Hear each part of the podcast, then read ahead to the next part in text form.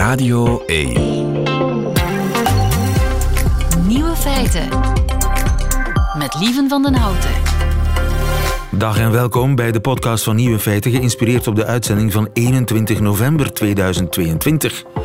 In het nieuws vandaag dat de kooltrui energiefacturen in Japan moet verlagen. Ook Japan heeft last van stijgende energieprijzen. Na de ramp in Fukushima sloot Japan een deel van zijn kerncentrales, waardoor de afhankelijkheid van geïmporteerde fossiele brandstoffen groter is geworden.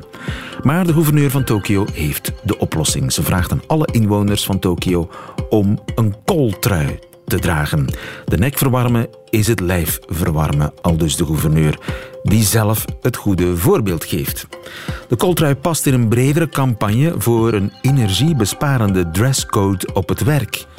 U zou mij hier moeten zien zitten met mijn varkenslederen vliegenierspet op. De andere nieuwe feiten vandaag. Het front in Oekraïne ziet er meer en meer uit als dat in de Westhoek in 1418. Met allemaal loopgrachten, maar hebben die wel zin? Kinderen uit kansarme gezinnen hebben andere leesproblemen dan rijke kinderen. En Sander van Horen herontdekt Nederland. De nieuwe feiten van Nico Dijkshoorn die hoort u in zijn middagjournaal. Veel plezier.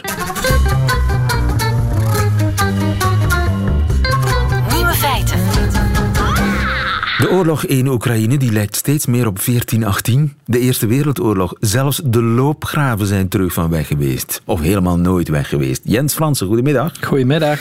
Jens, onze defensiespecialist. Loopgraven, waar, waar, zit, waar liggen die? Waar zitten die? Oh, er zijn in tussentijd eh, tientallen kilometers aan dat heel erg lange front um, um, gegraven door de Russische strijdmachten hoofdzakelijk. Um, een heel groot stuk zien we op dit ogenblik in het zuidelijke front, waar Rusland zich een stuk heeft teruggetrokken uit die westelijke oever over de Dnieper. Die zitten nu aan de andere kant van de oever en die hebben een uh, linie, eigenlijk moet je zeggen linies, gegraven, soms tot drie linies achter elkaar met een aantal kilometers dicht. Een beetje als ja, een verdedigingslijn tegen van wat Rusland dan verwacht, ja, oprukkende aanvallen in de komende weken of maanden van Oekraïne. En hoe zien die loopgraven eruit? Is dat een kopie van wat ik nog te zien krijg in eh, ja, die diverse musea in de Westhoek?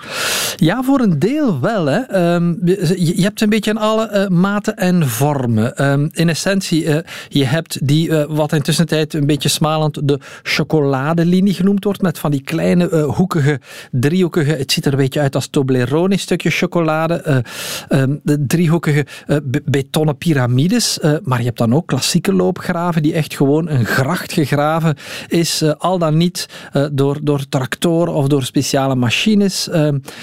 Uh, soms ook een beetje zoals je zag in, in de Tweede Wereldoorlog of in de Eerste Wereldoorlog, waarbij je loopgraven hebt in een zigzagvorm.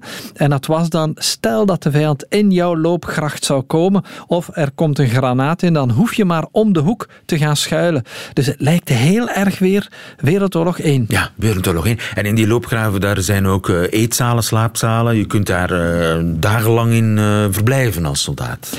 Ja, natuurlijk. Als je dan gaat gaan kijken naar een.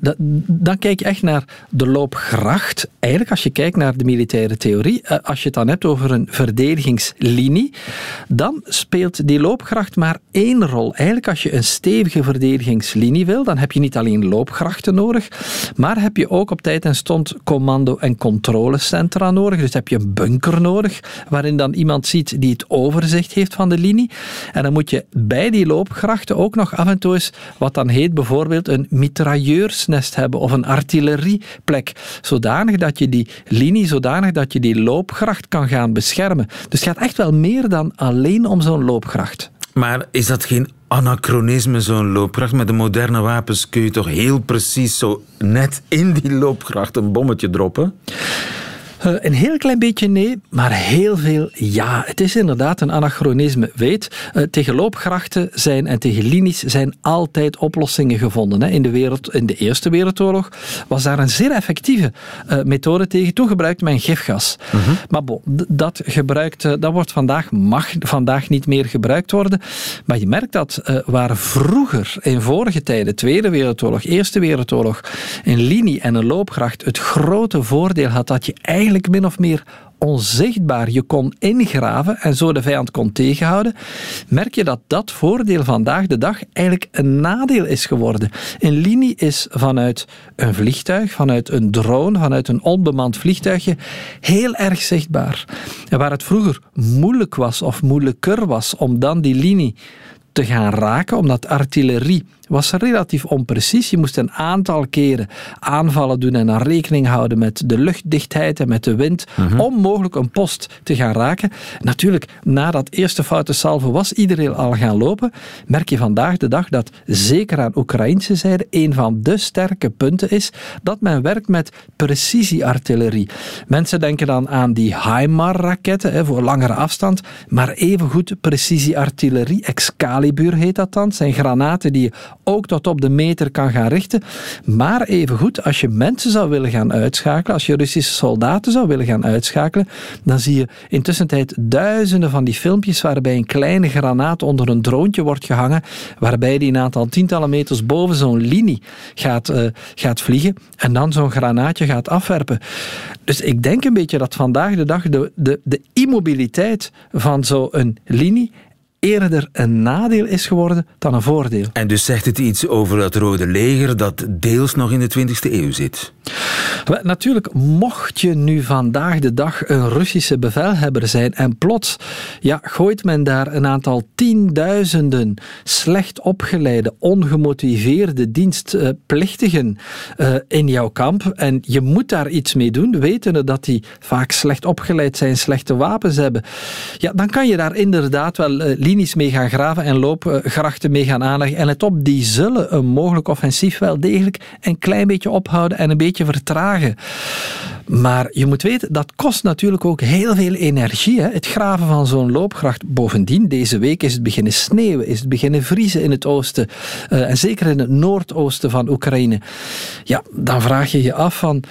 Is dit nog een netto winst? Ik denk het eigenlijk niet vandaag de dag. Als je ziet, een, een, ehm, ook aan Oekraïnse zijde hè, heb je vandaag de dag gepantserde voertuigen die eigenlijk uitgerust kunnen worden met zo'n gigantische schub, zodanig dat die een bulldozer zijn.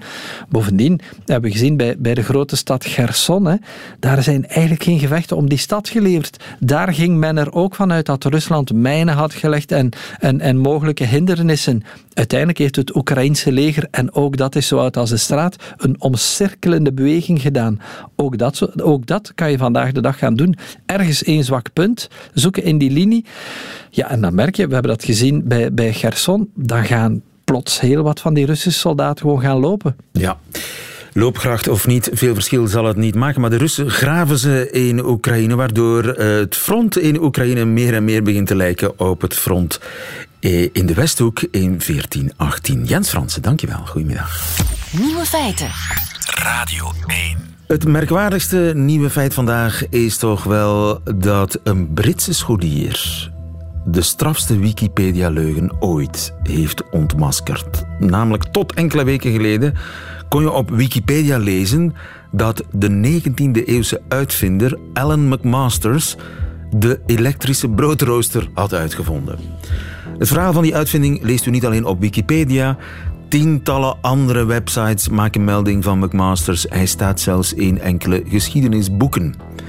Maar die boeken zullen dus uit de rekken moeten, want Alan McMasters heeft de elektrische broodrooster niet uitgevonden. Sterker nog, Alan McMasters heeft nooit bestaan. Een student stelde zich onlangs vragen bij de Wikipedia-foto van die McMasters. En die zag er helemaal niet authentiek uit. De student ontdekte al snel dat het ging om een moderne foto die met filters was bewerkt. En verder onderzoek leverde op dat de man op de foto de grappenmaker is die tien jaar geleden het fictieve verhaal van McMasters op Wikipedia zelf heeft gezet. Tien jaar lang dus heeft die grap geduurd. Tot nu. Want Wikipedia heeft het artikel offline gehaald. Maar googlen wie dan wel de broodrooster heeft uitgevonden is niet simpel, want overal en altijd duikt weer diezelfde naam McMasters op.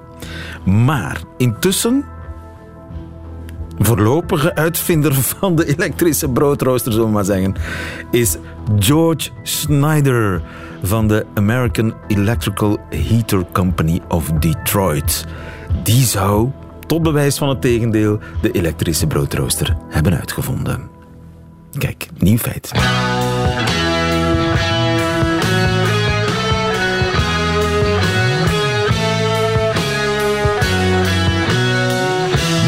Ontdekking van Nederland met Sander van Hoorn. Inderdaad, Sander van Hoorn ontdekt Nederland. Sander van Hoorn woont weer in Nederland na een half leven in Beirut en in Brussel. Goedemiddag, Sander. Goedemiddag. Hoe staat het met de herontdekking van Nederland? Nou, dat gaat hard hoor. Ik, bedoel, Ja? ik zit nu midden natuurlijk in de rel rondom Matthijs van Nieuwkerk. Oh, jee. Ook bij jullie wel bekend. Oh, ja.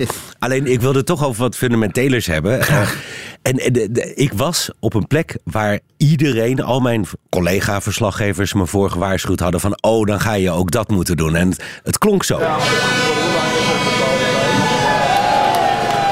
Ah, dus de vraag, lief is, waar was ik?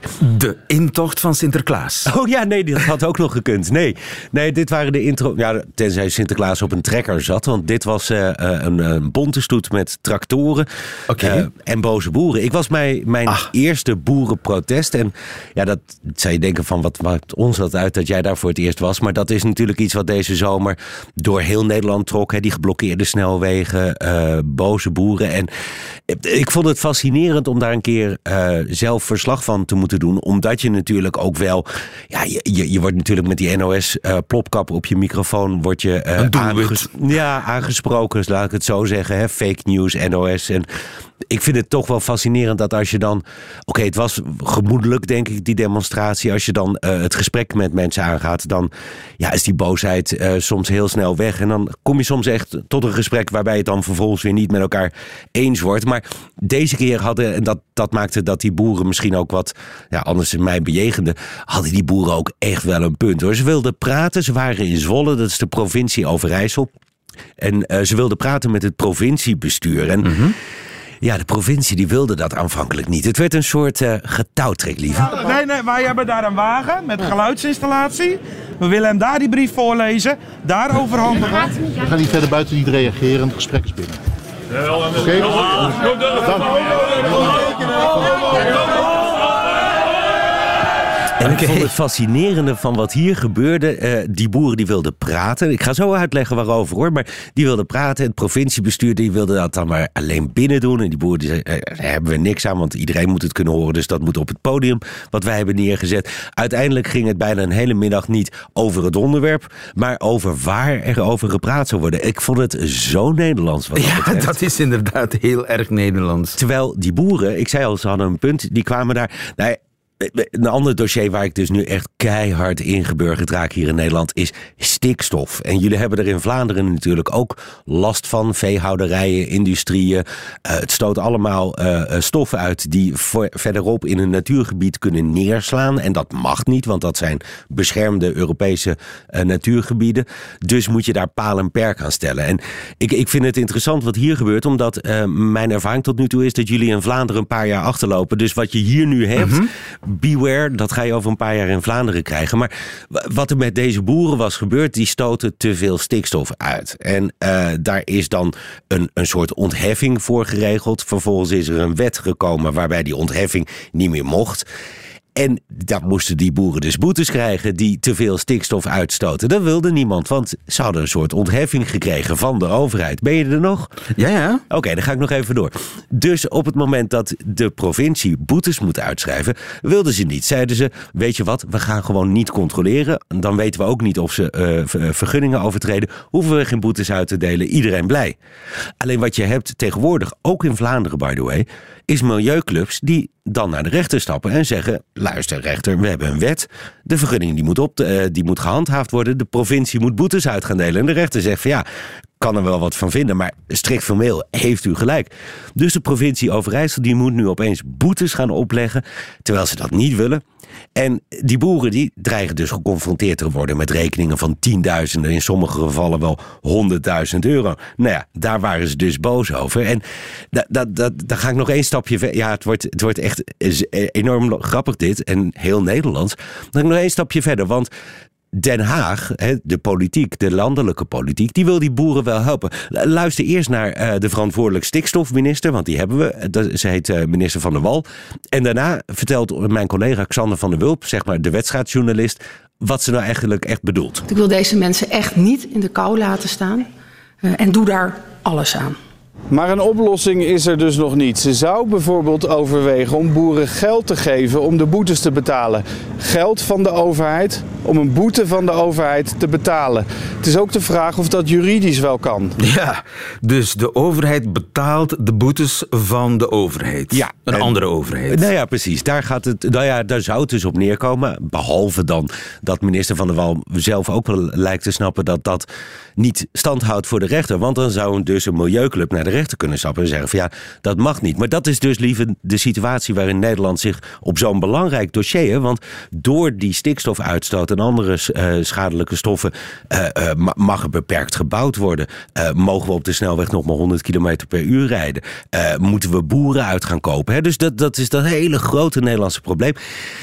En dat wordt niet gestuurd. Er wordt gereageerd op problemen en dat creëert dan weer andere problemen. En de rechter die heeft daar dan uiteindelijk ook wat van te vinden, omdat er dus niet geregeerd wordt. En nou is een van die milieuclubs die dus elke keer de regering bij de les houdt, want daar komt het op neer, die is opnieuw naar de eh, rechter gestapt vanwege een bouwproject. Nou, daar staat een eh, zware vrachtwagen eh, te, te loeien.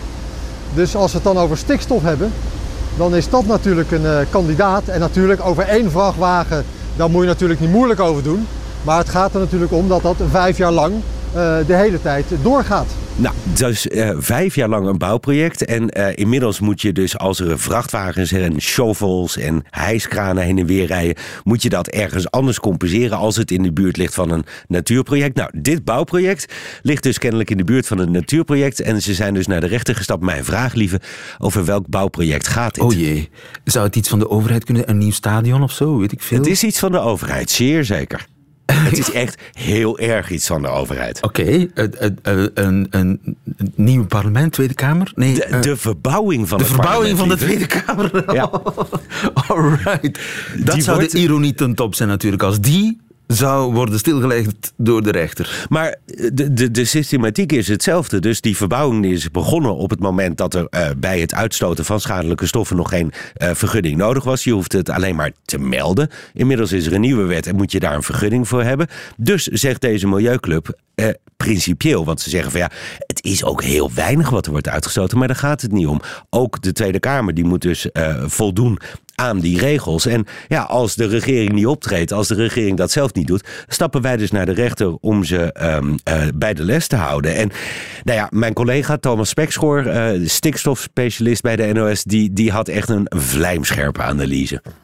En dus is wel duidelijk, dit gaat niet meer alleen over natuurschade, dit gaat over principes.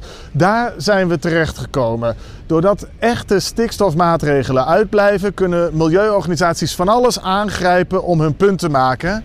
En de politiek kan alleen maar hopen dat die organisaties bij de rechter niet weer gelijk krijgen. Ja, zit er nog iemand wel aan het stuur in Nederland? Wordt er nog wel geregeerd? Nou, als het over stikstof gaat, is eh, dat een, eigenlijk bijna een retorische vraag. Nee, het is labmiddel op labmiddel. Het is dweilen met de kraan open. Het is, nou ja, al dat soort clichés en spreekwoorden kun je erop van toepassing verklaren. Er is, er is ja, wat, wat Thomas Spekschoor ook zegt, eh, er had 10, 15 jaar geleden had er opgetreden moeten worden. En dan waren die problemen nu voorkomen. Maar ja, er wordt dus een probleem opgelost door een nieuw probleem eh, te creëren.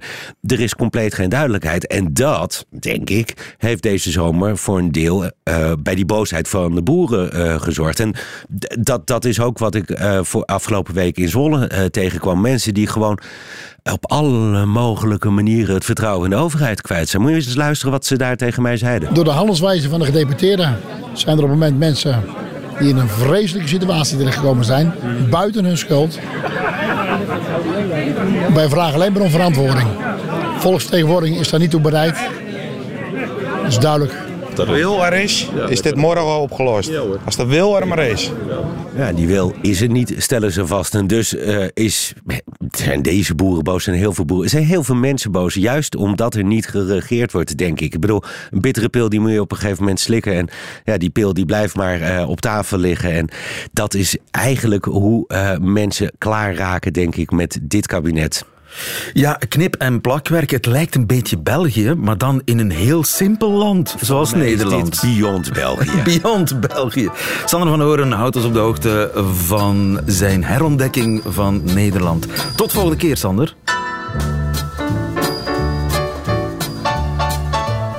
Bob Dylan, nieuw feit, had bijna een andere naam gehad.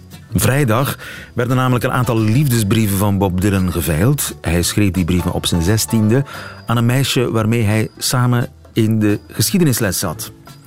150 handgeschreven brieven waren het in totaal en ze werden vrijdag verkocht voor 550.000 euro aan een Portugees boekhandel.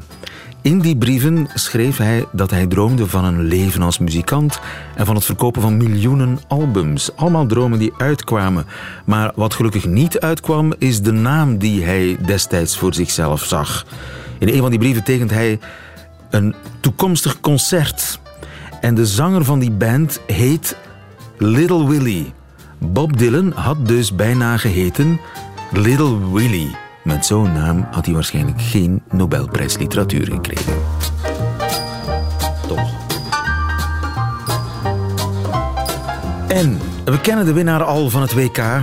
Is gisteren pas begonnen, dat WK, maar met de data, met data kunnen we tegenwoordig heel nauwkeurig voorspellen wie welke wedstrijd wint. Voor het EK van 2021 ontwikkelden enkele epidemiologen van Oxford een algoritme dat zulke voorspellingen kan doen. Ze gaven ieder team een aantal punten voor hun aanval en voor hun verdediging. En met die scores kunt u teams vergelijken en bepalen wie zal winnen. Het algoritme voorspelde zo correct dat Italië van Engeland zou winnen in de finale. En ook zes van de acht kwartfinalisten werden correct voorspeld. En hou je vast, nu hebben ze hun algoritme al losgelaten op dit WK. Dat eigenlijk nog moet beginnen, als het ware. En de winnaar is België. Met Brazilië op de tweede plek. Voilà, hoeft niet meer te kijken.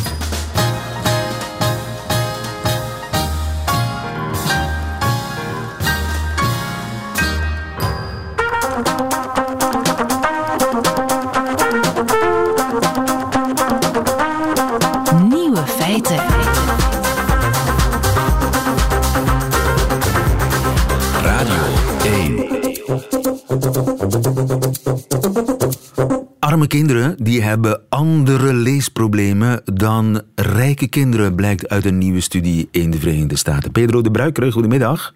Een goedemiddag, lieve. Pedagoog en baas van leer, mag ik dat zeggen? Binnenkort, Binnenkort baas van baas van, Leerpunt. leer. Vroeger had je Thijs van Leer, nu heb je baas van leer. Dat is Pedro de Bruikere. leer is het nieuwe kenniscentrum eh, onderwijs. En Het is, het, is, het is leerpunt. leerpunt. Ja. Oh, jammer. Daar gaat, daar, daar gaat mijn prachtige... Ik vind leer beter dan leer, leerpunt. Maar goed, baas van leerpunt. Ik vergeet het nooit meer. Baas van Leerpunt, eh, het nieuwe kenniscentrum onderwijs. En binnenkort baas. En wij hebben dus vastgesteld, tenminste eh, collega's van jou in de Verenigde Staten hebben vastgesteld dat er een verschil is tussen het leerprobleem van een kansarm kind en het leerprobleem van een, ja, zeg maar een kind uit een rijk gezin. Hoe is dat aan het licht gekomen? Wel, ze hebben meer dan 150, 155 kinderen in totaal, tussen 6 en 9 jaar, eh, opdrachten gegeven en ondertussen ook naar het brein gekeken. En die opdrachten waren in feite heel eenvoudig. De eerste opdracht was, ze kregen duo's van woorden en ze moesten vragen, beginnen deze woorden met dezelfde klank? En ehm, bijvoorbeeld eh, king en cat. Nu, dat klinkt hetzelfde, maar dat is wel een andere letter. Oké. Daarmee werd gekeken van hoe goed kunnen die kinderen die klanken tot woorden brengen. Want wat moeten wij doen als we aan het lezen zijn? Wij moeten die klanken zien en wij moeten daar woorden in ons hoofd van vormen. De tweede taak, die was waarbij men woorden zag, maar ook letters, of weer vormen die op letters leken. En ze moesten gewoon aanduiden wat zijn echt woorden en wat niet. Oké. En ja, dat klinkt voor ons heel eenvoudig, maar ja, wij kunnen lezen. En wat bleek nu? De kinderen van hoger opgeleide ouders die thuis ja, het beter hebben, die hadden moeite vooral met het eerste. En dat komt overeen met heel veel onderzoek, omdat er al heel veel onderzoek naar uh, leesproblemen gebeurd is. En men weet dat dat probleem heel vaak in feite met die, die fonemen omvormen tot woorden, dat daar wel iets kan misgaan. Maar de armere kinderen, die hadden opvallend veel vaker problemen met het herkennen van letters. En dus, die zitten dus met een ander probleem, een andere oorzaak van leesproblemen. En daardoor zeggen deze wetenschappers van misschien hebben wij de voorbije tijd te vaak, omdat we vaak met kinderen van hoogopgeleide ouders werken en dat er daardoor een vertekening in de onderzoeksresultaten zaten, hebben wij kinderen verkeerd misschien geholpen die een heel ander leesprobleem hadden dan dat we dachten. Dus leesproblemen zijn tot nu toe eigenlijk de leesproblemen van rijkere kinderen. Die zijn onderzocht, maar niet de leesproblemen van armere kinderen. Wel, dat is een sterk vermoeden die de onderzoekers hebben. En um, hun onderzoek, waarbij ze aangetoond hebben dat er toch wel heel opvallende verschillen zijn tussen die twee groepen, lijkt het ja, echt te suggereren. Ja, en dus bij arme kinderen, als ik het een beetje goed gevolgd en begrepen heb, bij arme kinderen heeft het te maken met wat ze te zien krijgen, die letters, die tekens. En bij hm. rijkere kinderen heeft het te maken met klanken. Ja, wat in feite een stap daarnaast ook is. En uh, wat uh, de onderzoekers ook, want het is breinonderzoek. Nu, ik ben maar een eenvoudig pedagoog, ik ben geen breinspecialist, maar ik kon wel de redenering volgen. Um, het eerste stukje waar we het nu over hebben, namelijk het herkennen van die letters en uiteindelijk ook herkennen van woorden, waar dus armere kinderen meer moeite mee hebben, dat is iets waar de omgeving vaak een rol speelt. Terwijl als we het hebben over het probleem bij die rijkere kinderen, dat dat heel vaak toch wel meer een, een probleem is die te maken heeft met, met aanleg. Nu, het is altijd veel complexer dan dat, maar ik ga het even zo simpel houden. En de onderzoekers zeggen van, kijk, we weten dat um, dat probleem van letters letterherkenning, dat dit waarschijnlijk wel, en dat merken we bij, bij armere kinderen, dat de omgeving meer een rol speelt. En dat dus dat minder een probleem is voor die rijkere kinderen, maar dat dan een ander probleem veel meer komt opspelen. Ja, dus een aanlegprobleem. Nu, de remediëring is ook heel verschillend dan, als de oorzaak van het probleem heel verschillend is. Wellicht wel. En dat is dus waarom dat de wetenschappers ook waarschuwen van misschien moeten wij meer gaan kijken naar welk probleem heeft het kind hier en er ook mee rekening houden dat daar de sociaal-economische achtergrond, dat dat daar een rol speelt. En heb je ook misschien verschillende benaderingen nodig, waarbij het wel handig is om te weten wat zijn de omstandigheden waarin een kind opgegroeid is. Maar goed, dat moet nog allemaal uitgezocht worden, want het is nu voor het eerst aan het licht gekomen dat er twee verschillende soorten leesproblemen zijn.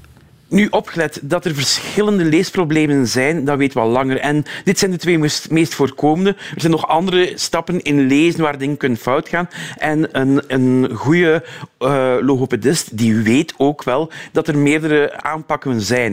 Ik wil dat ook wel een, stukje relativeren. Het klinkt soms in een onderzoek ook wel spectaculairder natuurlijk. Maar het is wel een van de eerste keer dat heel uitdrukkelijk die link met die sociaal-economische status en dat men ook zelfs de sociaal-economische status in het brein kon zien. En dat is uh, merkwaardig. Dankjewel, Pedro de Bruikere. Goedemiddag. Goedemiddag. Nieuwe feiten. En dat waren ze, de nieuwe feiten van 21 november. Alleen nog die van Nico Dijkshoorn nu in zijn middagjournaal. Nieuwe feiten. Middagjournaal. Beste luisteraars, onder protesttelevisie kijken, dat is veel moeilijker dan je denkt. Je wordt namelijk verscheurd. Ik kijk onder protest de komende maand alle wedstrijden van dit WK. Maar wat ik op voorhand al erg lastig vind, is dat niemand dat weet. Ja, luisteraars, u weet het nu, omdat ik het aan u vertel, maar hoe controleer je zoiets? Ik kan foto's op Twitter en Instagram laten plaatsen. En dan kan Tanja, die al twintig jaar onder protest naar voetbal kijkt, die kan mij fotograferen. Tijdens het onder protest kijken, maar hoe doe je dat? Ze kan mij bijvoorbeeld van achteren fotograferen als België of Nederland heeft gescoord. En die foto, die kan ik dan online zetten en dan zet ik eronder: Ik juich niet. Ik denk aan de familie Kapoor uit Pakistan. Wel een mooie voorzet van Kevin de Bruyne. Erg oprecht zou dat niet zijn. Ik keek gisteren naar de openingswedstrijd van het WK En ik heb me eigenlijk ongelooflijk goed vermaakt. Het wordt deze maand een krankzinnige mix van politiek bewustzijn, schuld, boete, onszelf met een riem op de blote rug slaan, eindeloos lang in tv-studio's discussiëren over hand in hand lopen van mannen in een woestijn, geen bier op tafel uit solidariteit met de supporters in Qatar, enzovoort, enzovoort. Ik ben wel benieuwd wat er overblijft van het protesteren en met tegenzin kijken wanneer België of Nederland de halve finales halen. Dan komt onherroepelijk een luchtbrug op gang naar Qatar. En daar zitten we onder protest te kijken naar Belgen met rood geverfde koppen en Nederlanders met een stuk kaas op hun hoofd. Wat ik ook erg lastig vind, wat eet en drink je tijdens een voetbalwedstrijd als je onder protest kijkt?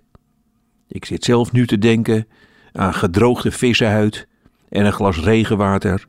En dat doe ik allemaal voor de mensen in India. Wat natuurlijk het allermooiste signaal zou zijn geweest, is dit: nieuwe feiten, gewoon de komende week wel uitzenden en dan geen woord over voetbal zeggen. Juist een schepje erbovenop doen. Vier keer per uitzending bellen met een bioloog en dan vragen: maar als de blinde slaapmuis dan wakker wordt, wat gebeurt er dan? Luisteraars, zo had het moeten gaan deze week. Een wedstrijd van de Rode Duivels en dan nieuwe feiten er vlak voor met een gesprek over de opkomst van salsa dansen in Aarschot. Dat zal ze leren daar in Qatar.